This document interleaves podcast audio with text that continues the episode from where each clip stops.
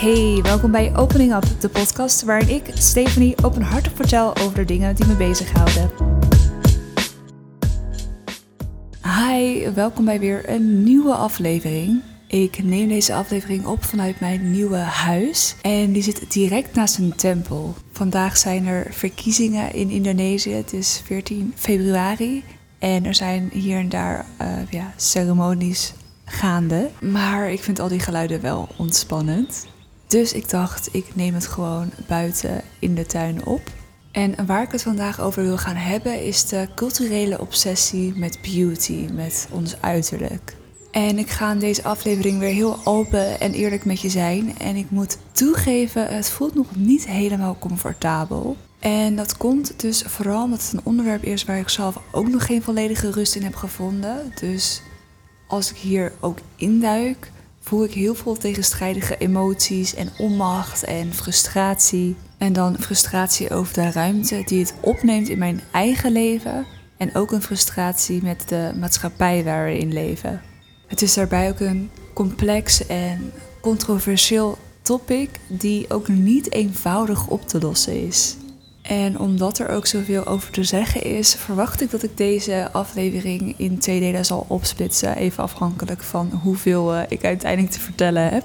En in dat geval zal ik in deze eerste aflevering wat dieper ingaan op de rol die het speelt in onze maatschappij en hoe het zo is gekomen.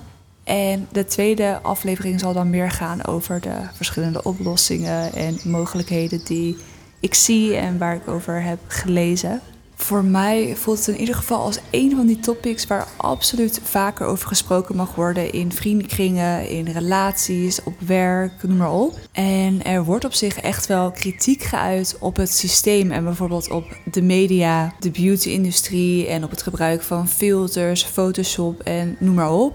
Maar toch wordt er naar mijn idee nog te weinig gesproken over hoe het eigenlijk komt dat we zo geobsedeerd zijn met beauty. En hoe het komt dat ondanks dat we inzien dat het bijvoorbeeld voor veel mentale issues zorgt, we toch zoveel moeite lijken te hebben met het verleggen van onze focus. En ik denk dat er ook nog te weinig gesproken wordt over hoe we onszelf en komende generaties toch echt beter gaan beschermen tegen de nadelige gevolgen ervan. Want die gaan nog veel verder dan mentale klachten. En ik heb het idee dat dat stukje wel eens wordt vergeten. En dat zit er vooral in dat je als mens jouw aandacht maar op één ding in het moment kunt leggen. Dus niet meerdere dingen tegelijk. We proberen dat soms wel, maar het werkt in de realiteit niet zo. En zolang een groot deel van de samenleving, dus qua tijd en qua investeringen, veel bezig is met beauty, dan betekent dat dat andere zaken die ons werkelijk vooruitbrengen, uiteindelijk minder tijd en aandacht krijgen. En uh, ik ga nu even in de we-vorm. Maar natuurlijk zijn er enkelingen die helemaal niet bezig zijn met een uiterlijk of met dat van anderen. Maar ik denk dat dat een kleine groep is en dat veel mensen niet eerlijk zijn tegen zichzelf ook erover. En wat voor mij dan ook zo tegenstrijdig voelt, is dat steeds meer mensen dingen als authenticiteit aanmoedigen. Wat natuurlijk heel fijn is. Maar naar mijn idee enorm belangrijk gelinkt thema is dit. En toch wordt daar dan nog heel weinig aandacht aan besteed. En ik denk dat dit komt doordat het nog best een taboe is. We willen er scheid aan hebben, maar hebben dat niet. En dat toegeven is vaak best lastig. En hoe ik op dit onderwerp kwam is doordat ik van de week iets te lang op TikTok zat te scrollen. En ik werd er echt een beetje verdrietig van toen ik zag wat er vooral voorbij kwam op mijn feed.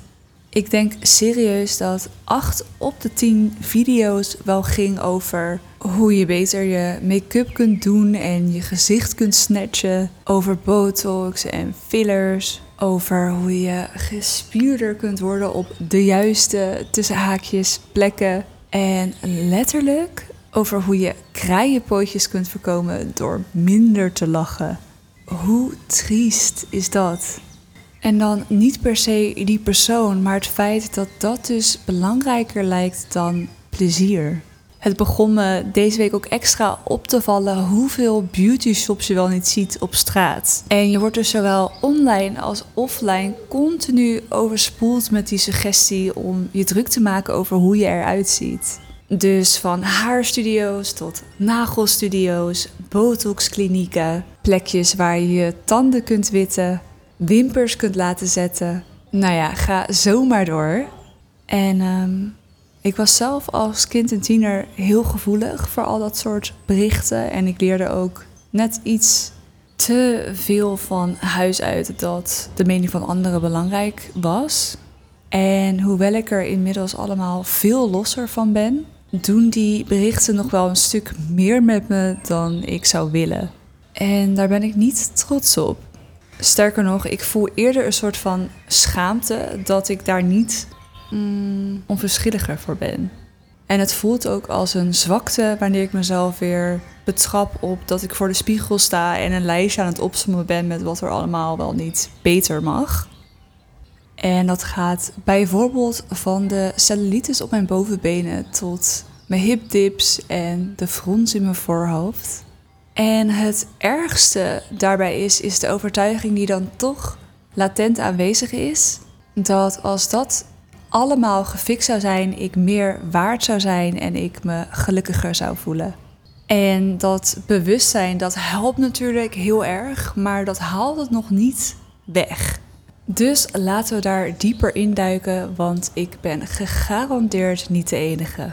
Deze culturele obsessie heeft veel vrouwen, maar I'm sure ook mannen, in een chokehold. En dat is echt van heel jong tot heel oud. En waarom het vooral vrouwen zo hard raakt, is omdat ze veel meer dan mannen op jonge leeftijd al leren dat hun uiterlijk hun waarde bepaalt. Daarbij is ook het ideaalbeeld voor vrouwen vaak een stuk onrealistischer. En even voor de duidelijkheid, dit is niet om mannen af te vallen. Ik voel evengoed compassie voor mannen die zich ook gegrepen voelen door de druk om er goed uit te zien. Maar het is wel gewoon een feit dat er een andere maatstaf bestaat. En waar ik net nog benoemde dat ik me schaamde voor de onzekerheid die me soms overneemt, zie ik nu dat dit even goed komt door wat ons allemaal is ingeprent. Want het ultieme ideaalbeeld is iemand die er prachtig uitziet, maar er eigenlijk nooit moeite voor doet of over nadenkt. Daarom zijn ook die no-make-up, make-up looks, de populaire tutorials en de clean aesthetic bla bla. En als je hier dus zo in verdiept en het met een soort van bird's eye perspectief probeert te bekijken, dan voelt het eigenlijk als gaslighting op een bizarre grote schaal. Want het is in sommige opzichten echt een vreemde wereld waar we in leven. Het is er eentje waarin als vrouw de lengte van je haar letterlijk je ervaring in de wereld fundamenteel kan veranderen. Als ik nu mijn hoofd zou kaal scheren, denk ik dat ik door heel veel mensen echt anders behandeld zal worden. En ik denk niet eens alleen door vreemden, maar hoogstwaarschijnlijk ook gewoon door bekenden. En ik zeg daarbij niet beter of slechter, maar wel anders. En ik heb het natuurlijk nooit uitgetest, dus ik kan het niet bevestigen, maar er zijn wel genoeg onderzoeken naar gedaan. En het past daarbij ook bij alles wat we weten over objectificatie. Hoe meer je bijvoorbeeld duidelijk herkenbaar bent als vrouw, hoe meer je als object wordt behandeld. En hoe meer je als object wordt behandeld, hoe meer je lichaam begint te voelen als iets om naar te kijken in plaats van gewoon je eigen thuis. Ik kan inmiddels ook begrijpen dat iemand zoals Britney Spears jaren geleden haar hoofd kaal schor als reactie op de objectificatie. En het paradoxale daaraan is dat zij vervolgens werd bestempeld als gestoord. Maar was zij losgeslagen of is de wereld een beetje gestoord? En daarnaast het ironische is, je wordt vaak bestempeld als oppervlakkig als je veel met je uiterlijk bezig bent. Maar dat is dus veel te simpel gedacht uiteindelijk.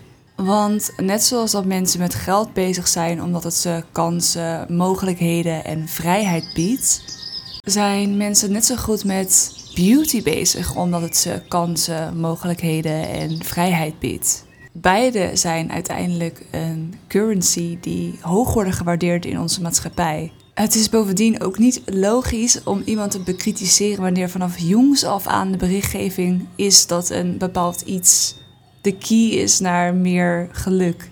Veel vrouwen zijn als het ware gesaboteerd om te denken dat hun uiterlijk hetgeen is waarmee ze dingen voor elkaar gaan krijgen. En dus gaat de focus daar dan ook op liggen om dat zo perfect of mooi mogelijk te maken. En wanneer een maatschappij of cultuur als het ware ziek is, is het ook niet zo gek dat de mensen die zich erin bevinden ook ziek zijn of worden.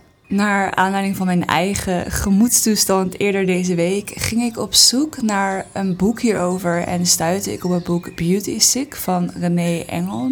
En zij omschrijft dat je jezelf als beauty sick kunt zien wanneer je bijvoorbeeld wel eens thuis bent gebleven of blijft voor iets belangrijks omdat je je niet aantrekkelijk genoeg voelt. Of als je jezelf wel eens afgeleid hebt gevoeld tijdens een meeting of samenkomst omdat je jezelf niet mooi voelde. Of dat een andere vrouw in de kamer er naar jouw idee nog veel aantrekkelijker uitzag. Of als je ooit hebt besloten niet te gaan zwemmen met je kinderen of vrienden omdat je je onzeker voelt over je lichaam. Maar ook als je continu het idee hebt tijd tekort te hebben, maar toch altijd de tijd vindt om met je uiterlijk bezig te zijn. Of als je wilt stoppen met jezelf druk maken over je uiterlijk, maar je wordt toch altijd weer naar de spiegel getrokken. En zelf herken ik alle punten wel. Ze zijn allemaal wel een keertje voorbij gekomen. En ik weet gewoon dat er zoveel meer vrouwen zijn die dit hebben of hebben gehad. Maar dat er dus een beetje een taboe nog op ligt. Ik bedoel, velen zeggen botoxen doen voor hun migraine en dus niet voor de rimpels. Of anderen zeggen diep tissue massage te doen, met name voor de bloedsomloop en niet voor de putjes. Het lijkt er dus een beetje op neer te komen dat toegeven dat je je wel eens onzeker voelt over je uiterlijk niet echt cool is. En vooral ook het stukje dat je er iets actief aan laat doen.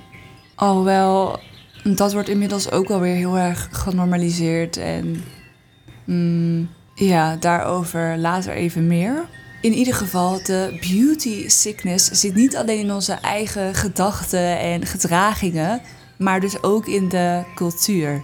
Zo gaat er bijvoorbeeld meer aandacht naar de bikinifoto van een actrice dan naar belangrijke wereldse gebeurtenissen. En ook is er altijd wel iets te zeggen over hoe een vrouw eruit ziet, ook als het totaal irrelevant is. En op die manier krijgen jonge meiden aangeleerd dat hun make-up skills als het ware belangrijker zijn dan leren over de wetenschap of bezig zijn met hun spirituele ontwikkeling.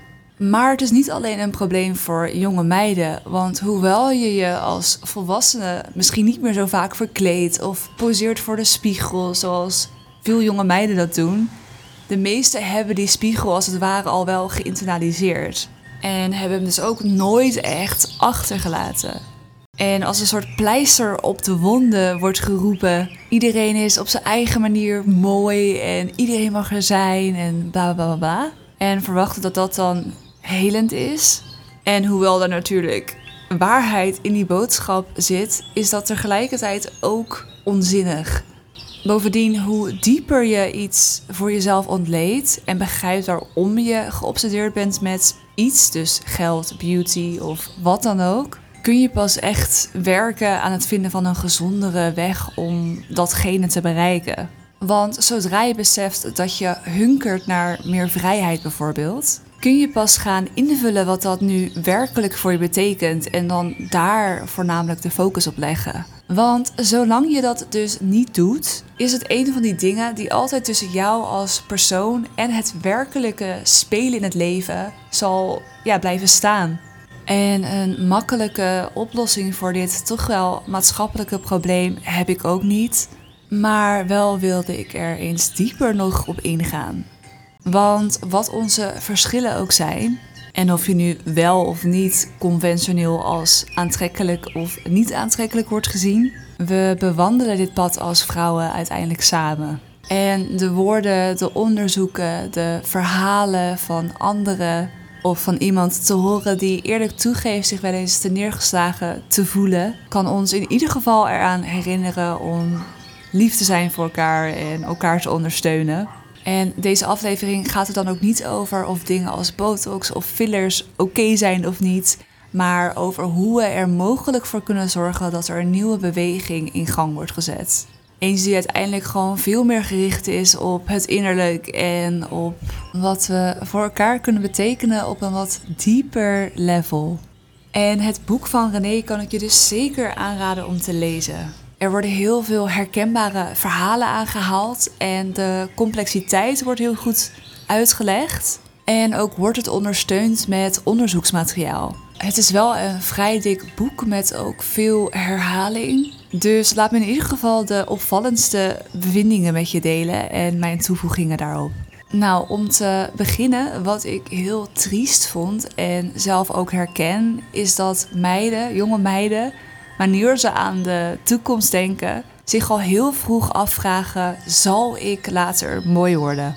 Een van de onderzoeken die René aanhaalt laat zien dat meisjes al op een verbazingwekkend jonge leeftijd beginnen na te denken over hun ideale lichaam. En 21% van de meisjes van 5 jaar vertoont soms al bewust dieetgedrag. En dat is best zorgwekkend, vooral als je kijkt naar ook de ontwikkelingsmijlpalen van voor vijfjarigen. Zoals het goed gebruiken van een vork en lepel en van het tellen tot 20 of iets in die buurt. 28% van die meisjes die zeggen ook dat ze hun lichaam, dus die vijfjarigen, willen laten lijken op dat van vrouwen die ze zien in films en op televisie. En tussen de leeftijd van 5 en 9 jaar zegt 40% van de meisjes dat ze graag dunner zouden zijn. Ze maken zich dus zorgen omdat ze al inzien dat het uiterlijk belangrijk is voor meisjes en dat in deze cultuur dunheid een belangrijk onderdeel van het uiterlijk is. Kortom, vroeg in de ontwikkeling van veel meisjes wordt het verlangen om mooier te zijn al overweldigend. En bovendien, meiden van nu die groeien op met het idee dat vrouwen niet alleen mooi moeten zijn, maar eerder bijna perfect. Zeker met de komst ook van AI en het brein dat niet per se dat onderscheid kan maken tussen echt en nep. Maar schoonheidsziekte dus, zoals René het noemt, is wanneer mensen zich zo druk maken om hun uiterlijk dat ze andere belangrijke dingen in hun leven niet meer voldoende aandacht geven.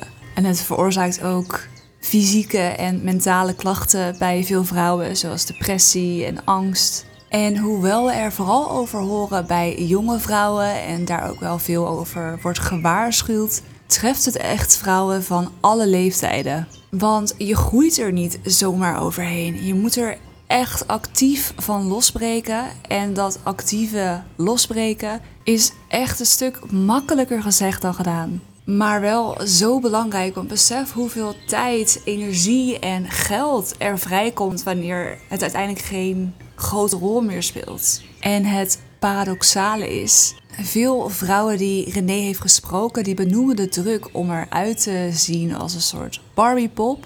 Maar tegelijkertijd zijn ze een soort van hoekt aan het consumeren van media die hen een soort van sneaky kleineren. Dus ze bespotten het belachelijke schoonheidsideaal, maar streven er tegelijkertijd toch naar. En op die manier draait de obsessie met uiterlijk hen naar de spiegel en weg van hun dromen, het verwezenlijken daarvan en het experimenteren. En het bouwen van skills die echt duurzaam zijn. Of gewoon puur ontspannen en genieten.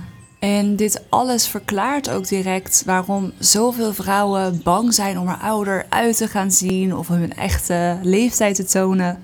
Want als je meer of evenveel focus hebt gelegd op je uiterlijk in plaats van het ontwikkelen van je skills, dan is het niet zo gek dat je denkt dat alles alleen maar achteruit gaat vanaf een bepaald moment. Terwijl in werkelijkheid, als we ons meer focussen op ons innerlijk, word je naarmate je ouder wordt juist veel krachtiger. Omdat je dus meer waardevolle vaardigheden hebt opgedaan en ervaring en wijsheid. En wat René ook omschrijft in haar boek. Als vrouwen zich niet zo druk zouden maken over hun uiterlijk, zouden ze al die tijd en mentale energie kunnen gebruiken om aan iets anders te werken. Dus bijvoorbeeld om meer te focussen op hun positie op het werk of gelijke salarissen of hun opleiding te verbeteren. En again, het is zeker niet om een belerende vinger te wijzen naar jezelf of naar andere vrouwen. Maar puur om even te benadrukken waarom deze obsessie eigenlijk zo gevaarlijk is. En waarom het dus ook iedereen aangaat. Want kijk naar al het potentieel dat vrouwen hebben, wat er nu niet allemaal ja, de kans krijgt om eruit te komen, omdat de aandacht misplaatst is. En het hele probleem is daarbij niet alleen dat anderen je beoordelen, maar doordat je al vroeg hebt geleerd dat je uiterlijk continu wordt beoordeeld, ga je het zelf ook doen. En je wordt uiteindelijk zelf de nauwlettendste waarnemer van je eigen lichaam. Gedachten als: is die puist op mijn kin zichtbaar? Zit mijn haar goed? Staat dit mooi? En er is in principe niets mis met het hebben van een intern monoloog. Maar hoe fijn zou het zijn als het wat vaker switcht naar vragen als: wat heeft mijn lichaam vandaag nodig? Wat heb ik nodig? Wat hebben de mensen om me heen nodig? Waar ben ik vandaag toe in staat om te leren of uit te proberen? En hoewel we graag denken dat we goed zijn in multitasken, is dat eigenlijk niet zo.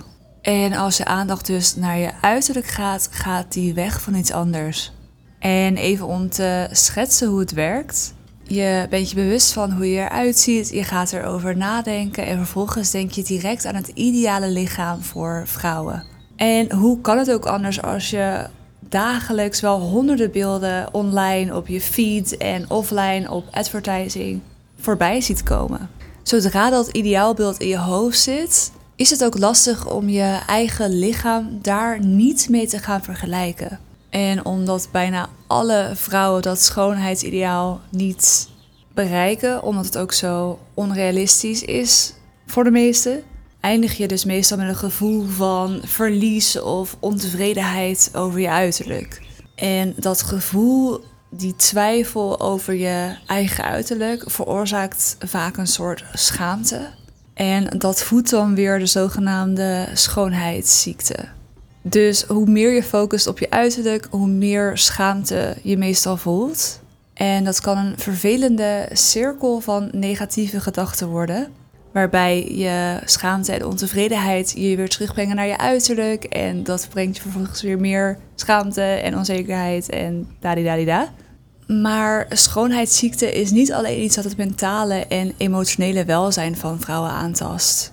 Het stilt letterlijk vaak genoeg twee van de andere kostbare dingen die vrouwen hebben, namelijk tijd en geld. En hoewel het loonsverschil tussen mannen en vrouwen sinds de jaren 70 is afgenomen, verdienen vrouwen die fulltime werken nog steeds aanzienlijk minder dan mannen die hetzelfde doen. En ook bevinden vrouwen zich vaker in beroepen en sectoren met lagere lonen. Wat betekent dat als we onze cultuur een beetje zouden veranderen, zodat we minder praten en denken over het uiterlijk van vrouwen, zouden alle vrouwen meer vrijheid hebben om te beslissen hoeveel tijd en geld ze aan schoonheid willen besteden. Onderzoek toont aan dat een vrouw zo ongeveer drie keer zoveel uitgeeft als een man aan hun uiterlijk. En tuurlijk, hè, er is geen wet die vrouwen verplicht stelt om anti-rimpelcreme te gebruiken. En het gebruik van mascara is niet hetzelfde als de noodzaak voor hygiëneproducten. Maar veel vrouwen voelen de behoefte aan deze producten wel. En dat gevoel dat komt rechtstreeks voort uit de cultuur waar we in leven. Want een samenleving die zo gefixeerd is op schoonheid, geeft vrouwen het gevoel dat ze deze of andere producten nodig hebben om minimaal aanvaardbaar te zijn voor de buitenwereld. En niet meedoen is niet zo makkelijk als sommige mensen het doen voorkomen. Ik bedoel, denk maar aan die momenten dat je een keertje zonder make-up de deur uitgaat of een Zoom-call hebt en dan te horen krijgt: Gaat het wel met je? Je ziet er een beetje moe uit. En het zal jou ook niet verbazen dat de enorme hoeveelheden geld uit vrouwen hun portemonnees rechtstreeks naar de schoonheidsindustrie gaan. Het schijnt zo te zijn dat 85% van de omzet binnen die industrie vanuit vrouwen komt. Ook de dieetindustrie richt zich voornamelijk op vrouwen. En cosmetische chirurgie en gerelateerde ingrepen zijn een andere grote uitgavenpost op het gebied van schoonheid. Meer dan 90% van de procedures wordt uitgevoerd bij vrouwen. Heel veel van de advertising wekt de illusie dat we alleen nog maar wat meer geld hoeven uit te geven voor een mooiere en betere versie van onszelf. Want met vollere lippen vind je de liefde van je leven. De juiste anti-rimpelcreme kan de tijd stoppen. En 10 kilo afvallen zal je relaties fundamenteel veranderen en al je zorgen wegnemen. En gezien de vele lof en de lieve woorden die vrouwen ontvangen wanneer ze dichter bij het culturele schoonheidsideaal komen, is het ook moeilijk om te zeggen in hoeverre schoonheidspraktijken nou vanuit eigen wil zijn of niet. Uiteindelijk voor de meeste van ons is een wereld waarin ons uiterlijk niet zo belangrijk is, totaal onbekend. Dus ook al wordt er heel terecht vaak gezegd van nee, ik doe het niet voor anderen, ik doe het voor mezelf, want het doet mij goed voelen, is het ook heel moeilijk om daarin de waarheid voor jezelf te weten. Maar naast het uitgeven van geld is het trouwens ook niet ongebruikelijk om een groot verschil van wel 2 tot 5 uur per week te zien tussen mannen en vrouwen qua tijdsbesteding aan het uiterlijk. En dat is allemaal tijd die mannen vaak wat meer besteden aan het werken aan hun skills of om gewoon te ontspannen. En um, voordat we wat verder gaan kijken naar hoe we er nu voor kunnen zorgen dat we hier wat losser van komen, wil ik het toch nog even kort hebben over het effect van social media. Want wat soms vergeten lijkt te worden, is dat het niet alleen impactvol is om continu gefotoshopte beelden te zien van het schoonheidsideaal, maar de comments doen ook wat met je brein. Want ook daarin wordt continu commentaar gegeven op het uiterlijk. En tot op zekere hoogte maakt het niet eens uit of dat nu positieve of negatieve berichten zijn. Het maakt niet zoveel uit of iemand schrijft: wat zie je er mooi uit? Of wat is je huid goed? Of het tegenovergestelde: wat zie je er slecht uit? Wat we daar uiteindelijk van opstaan is dat ons uiterlijk en het uiterlijk van een vrouw gewoon heel belangrijk is. Of op zijn minst uh, vermakelijk. En wanneer je veel beelden en reacties voorbij ziet komen op dagelijkse basis, hoe kun je dan niet gaan geloven dat jouw uiterlijk onder dezelfde kritische blik valt? Bovendien, hoe meer je ook jezelf cureert of photoshopt, filters toepast, hoe meer je een versie van jezelf ziet die eigenlijk niet bestaat. En hoe vreemder dan ook de vrouw in de spiegel voor je zal gaan aanvoelen. En hoe minder tevreden je met haar zal worden. Dus je bent dan onbewust bezig met een verwoestende vorm van vergelijking. Namelijk je echte zelf versus je gecreëerde zelf. Oké, ik denk dat het nu wel duidelijk is dat we hier iets mee moeten. En ik zie dat ik inmiddels al bijna een half uur bezig ben. Dus daar ga ik morgen even op verder en dat wordt dan een deel 2. En die gooi ik daarna dan ook snel online. Dan voor nu alvast heel erg bedankt voor het luisteren. En ik hoop dat je er alvast wat inzichten uit hebt kunnen halen waar je ook wat mee kunt.